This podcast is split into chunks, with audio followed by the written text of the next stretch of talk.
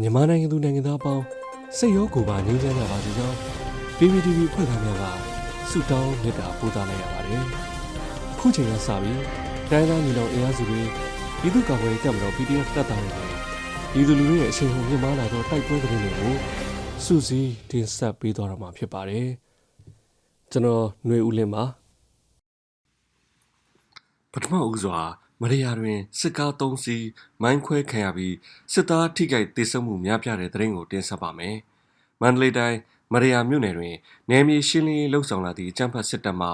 စစ်ကား၃စီးမိုင်းဆွဲတိုက်ခိုက်ခံရပြီးတိုက်ခိုက်ဒေဆုံးမှုများရှိကြောင်းမဟာတော်လိုင်းတပ်ဖွဲ့မှသိရပါဗျ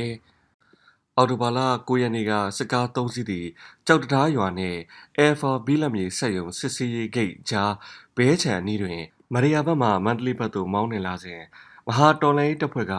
ပရိသာမိုင်းလေးလုံးဖြင့်ဖောက်ခွဲတိုက်ခိုက်ခဲ့ကြောင်းစစ်သားများထိခိုက်ဒေဆုံးမှုရှိတော်လဲ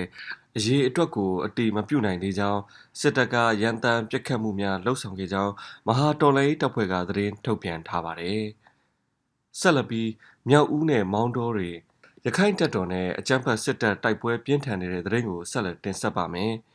ရခိုင်ပြည်နယ်မြောက်ဦးတွင်စစ်ကောင်စီတပ်နှင့်ရခိုင်တပ်တော်တို့အပြန်အလှန်ပစ်ခတ်မှုဖြစ်ပြီးယနေ့နံနက်ပိုင်းမောင်းတော်တွင်လည်းတိုက်ပွဲပြင်းထန်ပြီး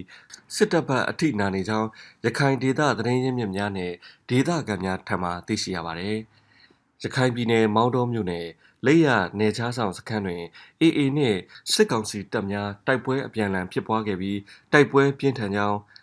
စစ်ကောင်စီတပ်စခန်းကို AA ကသိမ်းပိုက်လိုက်သည်ဟုသတင်းများထွက်နေကြောင်းဒေသခံတွေကဆိုပါတယ်။စစ်ကောင်စီရဲ့မုံမျိုးဝင်ဂိတ်တရားအပြစ်ကတ်ခမ်းတဲ့သတင်းကိုဆက်လက်တင်ဆက်ပါမယ်။ပဲခူးတိုင်းကြောက်ကြီးမြို့နယ်မုံမြို့အဝင် မုံချောင်းတရားထိပ်ရှိစစ်တပ်တပ်ဆွဲထားသောနေရာ၌ယနေ့နံနက်ပိုင်းတွင်ပြစ်ခတ်တိုက်ခိုက်မှုများဖြစ်ပွားခဲ့ကြောင်းဒေသခံများကဆိုပါတယ်။